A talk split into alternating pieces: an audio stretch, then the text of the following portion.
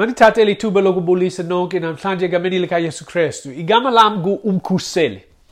Kwaye ndingumfundisi apha eBay eSoweto Baptist Church. eSoweto NC kwaye ndingathanda ukumema ukuze nokukhonza nathi enkonzweni yethu. Emva kwi-lockdown sikhonza qho ngeqhawe ngo-10 nangolwesine ngo-6 kwaye umenywe ukuze nokukhonza nathi eSoweto Baptist Church. Soweto on Sea. It's 57 Malibali Street, Soweto on Sea. Kwaye ukuba unemibuzo ngomyalezo wam okanye ngebandla lethu ngamabandla ethu ungandifonele ye yefoni yam 082 598 082 598 ndingathanda ukubona enkonzweni yethu ngenyimini namhlanje namhlanje siqhubekeka nesifundo sethu encwadini kaTimoti isahluko sesine. Kwaye namhlanje ndizoqhubekeka kufunda ngokuba ngumlungiseleli omhle. Enyanisweni ndingathanda ukuba ngumlungiseleli omhle. Uthixo osezulwini waye ndisikelele undisikelele uh, kakhulu. Kwaye ndifuna ube ube ngumlungiselele omhle. Kwaye njengentshayelelo namhlanje ndizohlola izinto esizibonayo kule veki phelayo kufunde ngokuba ngumlungiseleli omhle. Esahlukweni 4 esisahluko sonke sithethe ngokuba ngumlungiselele omhle. Evesini 6 iyasifundisa umlungiselele omhle kayesu kristu. Ukuba uthe ezi zinto wazibeka phambi kwabazalwana ithi ibhayibhile woba ngumlungiselele omhle kakristu yesu. Wondliwe kamazwi oko okholo nawemfundiso enhle oyilandelayo. So upawulos waxelela umthwano wakhe lukholweni utimoti ube ngumlungiselele omhle njani kwaye evesini 1 sifunde kule veki phelayo kufuneka siqale ukuphulaphula umoya oyingcwele umoya oyingcwele unika isilumkiso siphulaphule isilumkiso somoya oyingcwele kuzobakho abantu abazongena enkonzweni abazoshiya ukholo bazoqala ukukholwa kodwa bazoshiya ukholo lwabo. Kwaye thina exesheni ngasemva kufuneka siqaphele ngabo. Bazoqala ukufundisa imfundiso ezimbi. Imfundiso ithi ibhayibhile zedemoni evesini 1 ithi ke kaloku umoya uthi ngokucacilayo ingxenye iyakumka elukholweni ngamaxesha asemva inyamekela omoya abalahlekisayo. Nemfundiso zedemoni so kuzobakho abantu abazokuyena enkonzweni kwaye abazoshiya ukholo lwabo. Kwaye ngoku sisexesheni ngasemva. Kamsini uyesu kristu uzobuya apha ehlabathini uzothatha ichawa yakhe. Kamsinye sizombona. Kodwa lokama simlindela sihlala apha sibe ngabalungiselele abahle simamela isilumkiso somoya oyingcwele. Kufuneka siqaphela kuba abanye bazoshiya ukholo. Kufuneka thina sibe nemfundiso ezinhle ukuze singaboni umahluko. Kufuneka thina sibe nemfundiso ezinhle ukuze asiphele njengabo. Bona ithi ibhayibhile evesini yesibili inka nohanahaniso lwabathetha ubuxoki betshiswa isazela sabo ngensimbi. Thina kufuneka siphulaphule umoya oyingcwele kufuneka sibe uh, nesazelo esicocekileyo okanye sizo sizo sizophela njengabo ukuze bazalwana baphulaphule ukuze sibe nga si, singaba nesazelo esicocekileyo kufuneka simamela siphinde isilumkiso somoya. Silumkisa abantu ngemfundiso zedemoni. Imani kukhumbuze ngemfundiso zedemoni. Sifunde ngezo iimfundiso zedemoni zikufundisa. Mamela zikufundisa. Abantu abakholwa kwiimfundiso zedemoni bakholwa kwinto ngaphandle koyesu kristu ukufumana ithamsanqa. Bakholwa kwenye into ngaphandle koyesu kristu ukufumana intsikiselo ebomini babo usindiso uxolo intsikelelo izikhebi ukuseleko injongo bakholwa kwenye into ngaphandle koyesu kristu ukuzifumana ezazinto imfundiso zedemoni ziku zikufundisa ukuba ezi zinto zifunyanwe kwenye into ngemisebenzi yakho emilungileyo ngezinyanye zakho ngokholo lwakho imfundiso ezilungileyo zikufundisa ukuba ezi zinto zonke zifunyanwe kuyesu kristu qha. Uyesu kristu ungumlungiselele kwaye ngumsebenzi wabalungiselele abahle ukulumkisa abantu ngemfundiso zedemoni ndininike umzekelo kule veki phelayo ukuba umzi wathi uzokwenza ntoni? Uzogalela amanzi ewe. Uzolumkisa abantu abahlala endlini ngomlilo ngumsebenzi wakho ukulumkisa abantu ngento engalunganga ngento ezobabulala imfundiso zedemoni. Imfundiso zedemoni zizochabalalisa zizochabalalisa ubomi babantu. Imfundiso zedemoni imfundiso zibalulekile kakhulu. Umlungiselele omhle uzolumkisa abantu bakhe ngemfundiso zedemoni. Ithi kumlungiselele omhle kayesu kristu wondliwe ngamazwi okholo nawemfundiso enhle oyilandelayo. Utimoti wayefumana imfundiso enhle imfundiso zobomi. Kwaye into enye esiyibonayo kule veki phelayo uyayifumana evesini 5 sizobona izinto ezintsha kamsinye evesini 5 ithi kuba sicwaliswa ngalo ilizwi likathixo nangezimbongozo thethe ngezenzo zethu. Ukuze sibe ngabalungiselele abahle kufuneka sifune ukuxwalisa izenzo zethu zonke zelizwi nomthandazo. Loo nto ithi bazalwana sizothelekisa izenzo zethu zonke nelizwi ukuze singachina singa isazelo esicocekileyo sisebenzise ilizwi likathixo nomoya wakhe ukuthelekisa sithelekise izenzo zethu nelizwi ukuba sibethwa umoya oyingcwele ungahlala kaphakathi kuthi siyeka. Ukuba umoya oyingcwele usixelele a hayi sithobela umoya wakhe siphulaphule isilumkiso somoya. Kwaye sithelekise sigcwalise izenzo zethu zelizwi nomthandazo. Sicela senza ntoni? Senza ntoni? Ukuze sibe sibe nesazelo esicocekileyo ukuze asiphele njengabo bantu babetshiswa isazelo sabo ngensimbi. Ukuze ubeke umlungiselele omhle baphulaphuli bazalwane. Ukuze sibeke abalungiselele abahle kuzofuneka silwazi umahluko ngaphakathi kwimfundiso zedemoni nemfundiso ezilungileyo. Evesini 7 ithi kezoni intsomi ezihlambelayo zamaxekokazi zimangele. Isiko lethu lizosifundisa izinto ngokuxasa ilizwi likathixo.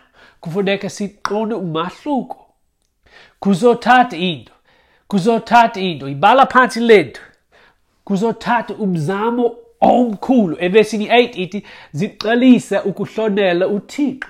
Ziqalisa ukuhlonela uthixo kuba eyeyomzimba imqeqesho inceda kancinane. Ke khona ukuhlonela uthixo kunceda ngakho konke kunedinga lobomi bakaloku nje nobobo buze kubakho.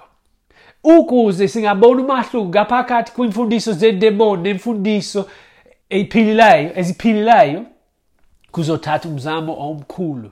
Ithi ibhayibhile ziqalise. Imani kuqalela into. Siziqalisa nezinto ezibalulekileyo kuthi umzekelo cha apha esikweni lamaxhosa cha amankwenkwe aye ehlathini afune ukuya ehlathini. Anqwenela ukuya alindele ukuya ehlathini. Anqwenele ukuya ehlathini angene ehlathini. Kwaye xa angene ehlathini abakhweta bafunda izinto ezinjewe bafunda izinto zamadoda. Bafuna ukunqaya amazwi amatsha ulwimi olutsha njalo njalo. Baziqhelisa ngendlela entsha yokuphila yawe? Upawulos apha waxelela utimoti ukwenza loo nto. Ziqelisa ukuhlonela uthixo. Njenginkwenkwe njengumkhwetha uziqelisa izinto zamadoda. Wena nam siziqelise ukuhlonela uthixo. Sinqwenela silindela ukuziqhelisa izinto zikaThixo. Kuzothatha bazalwane baphulaphula kuzothatha umzamo. Ayizokwenzeka nje. Abakhwetha bayayazi loo nto. Izinto zamadoda azibonakala entlokweni yakho nje. Kuzothatha umzamo. Ayizokwenzeka nje. Yiyo loo nto ngesingesi le vesi ithi exercise yourself to godliness. Ziqalekisa ukuhlonela uthixo. Ithi kuba eyeyomzimba imqeqesho inceda kancinane. Ke khona ukuhlonela uthixo kunceda ngako konke. Bodily exercise ithi ngesingesi profiteth little. Ukuze ube nomzimba oyi-fit kuzothatha umzamo omkhulu ewe. Njengoba unawo umzimba ofit kuzothatha ingqeqesho enkulu mandi kuqalele into. Ube ube ngumlungiselele omhle. Kuzothatha ingqeqesho eninzi enkulu. Umzamo omkhulu kakhulu. Ukuze ube nomzimba ofit uzodinga i-exercise ezihlukileyo kakhulu. Umoya wakho udinga i-exercises ezihlukileyo ukuba ufuna ithaphile kufuneka wenze i-exercise enje. Ukuba ufumane ungathanda ukufumana imilenzi kuko i-exercises for amalungu onke emzimbeni wakho. Ngokukhawuleza ndizonishiya ne-exercises eziyi-4 ukukuncedisa ukuziqalekisa ukuhlonela uthixo. Uyandiva so ndizoninika i-exercise eziyi-4 ngokukhawuleza kwa i-exercise enye evesini 9 lithembekile lizwi elo lifanele kukwamkela konke underline kukwamkela konke bhala phansi le nto ikhumbulani le nto. I-exercise yokuqala yakho. Kholwa ilizwi likathixo lonke njengenyaniso. Kholwa ilizwi likathixo lonke njengenyaniso. Kuzofuneka uthathe isiqebo sokukholwa sokwamkela konke ilizwi hayi ezazindawo ezithandwe kuwe nje ezazindawo ezivakala kakuhle kuwe. Kodwa ilizwi lonke hayi ibhayibhile ithi into ayinamsebenzi ukuba uqonde yonke okhanya uqondi kutheni yayifakwa. Lwamkela lonke ilizwi njengenyaniso. Imani kuqalela into kukukholwa ilizwi kukulithemba kukulithobela. So ukukholwa ilizwi kukulithobela. Mandi kuqalela into ngakumbi ngeli xesha kufuneka uthathe isiqebo sokukholwa ilizwi.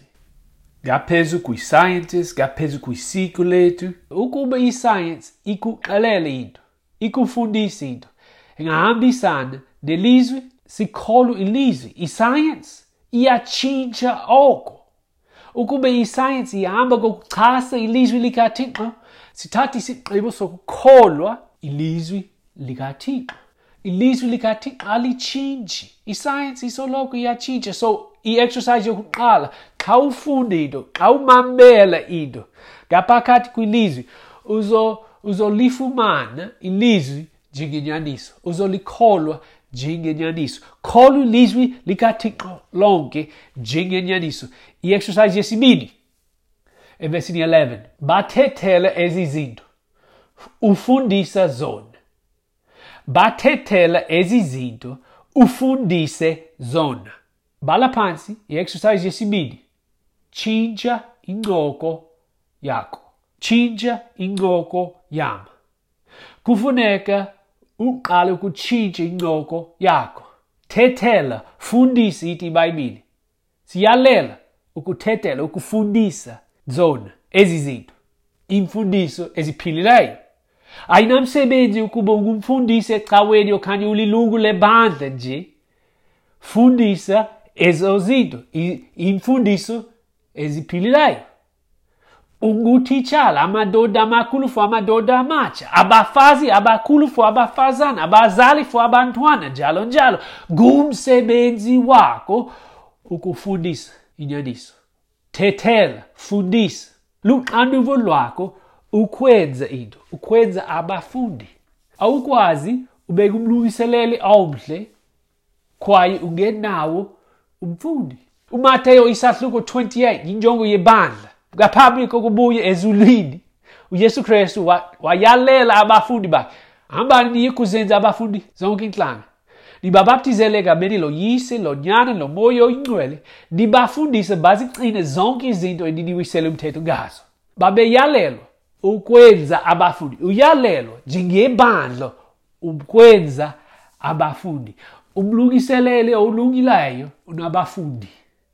Buzo olungileyo kusasa ingaba baphi abafundi bakho? Ingaba baphi abafundi bakho?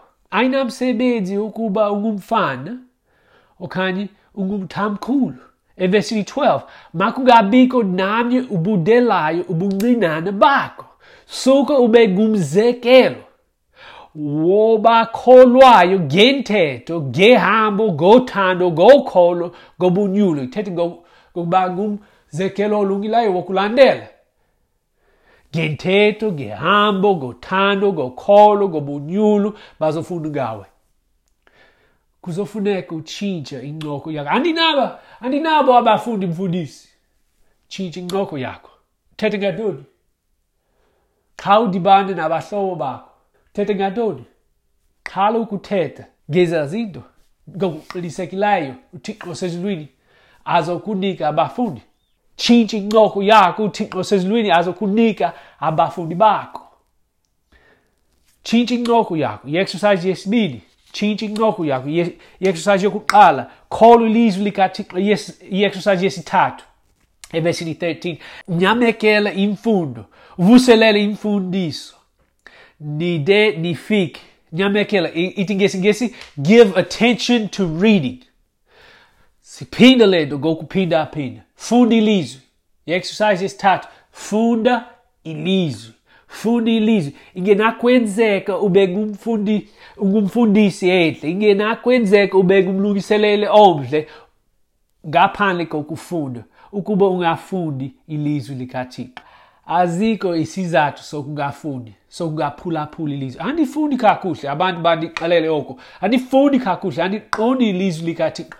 Funda funda ilizwi. Mamela ikhona ibhayibhili yakho. Baberekordisha ibhayibhili yakho ungamamela ukuba awukwazi ukuyifunda azikho izizathu zokungamamela zokungava ilizwi likathixo. Ilizwi lalirekordishwa kolwimi lwakho. Mamela ilizwi. Funda ilizwi. Give attention to reading. Ingabe ufunda ibhayibhili yakho ixesha elingakanani ngale mini? Ingabe ufunda ibhayibhili ixesha elingakanani kule veki? Kulo nyaka wake walifunda ilizwi lonke. Wake wayifunda ibhayibhili yonke. Abantu basoloko ndikholwa ilizwi likathixo. Kodwa zange balifunda ilizwi lonke. Umbuzo olungileyo ingabe ungakholwa kwinto ongaviyo? Ungakholwa kwinto ongaviyo? Awukwazi. Awukwazi. Uthixo asixelela singakwazi ngaphandle kokuva. Encwadini kwabaseroma isahluko 10 ivesi 14 ithi bothini nakhe ukumnqula lowo bangakholwanga kuye? Bothini nakhe ukukholwa kulowo bangamvanga? Abazokwazi yiyo loo nto uthixo osezulwini bathumela abashumayeli bendaba ezilungileyo ukuze bangamnqula uthixo oyinyaniso. Ukuze bangamkholwa ngaphandle kokuva ilizwi kokulifunde ilizwi awuzokwazi ukulikholwa. So funda ilizwi likathixo. Tshintshe incoko yakho. Kholwa ilizwi likathixo lonke njengenyaniso into yokugqibela i-exercise yesine. I-exercise yesine evesini 14 ungasihilizele isipho esingokubabalwa. Esikuwe wasinikwayo ngesiprofeto kunye nokubekwa izandla yinhlanganiso yamadoda amakhulu. Bhala phansi i-exercise yesine. Sebenzisa isipho sakho ecaweni. Sebenzisa italent yakho ecaweni kwaye unayo italent. Ukuba ungumthwana kathixo uthixo osezulwini uyakunika italent ithi ibhayibhile kwabase-efese 47 ke elowo kuthi wababalwa. Wababalwa ngokumlinganiso wokhupha kukakristu ithi ibhayibhile eyikuqala kwabasekorinti isahluko 12 ivesi 27 nina ke ningumzimba kakristu ningamalungu ngokwabelwa izabelo. Sonke si singamalungu womzimba kakristu amalungu onke anenjongo anoxanduvo loku lokuzalisekisa. Kufuneka ufunde ukusebenzisa isipho sakho. Umlungiseleli omhle unomlungiselelo. Yintoni umlungiselelo wakho? Andiyazi isipho sam kulungile? Yiyo loo nto icawe ikhona icawe ikhona ukukuncedisa ukukhangela nokuphuhlisa nokupraktisa isipho sakho. Kwaye le vesi iyasifundisa abantu abadala ecaweni bazokubona bazobona isipho sakho bazothandazela wena. Ithi ibhayibhile ungasihilizela isipho esingokubabalwa ngumsebenzi wakho uxanduvo lwakho ukusebenzisa isipho sakho.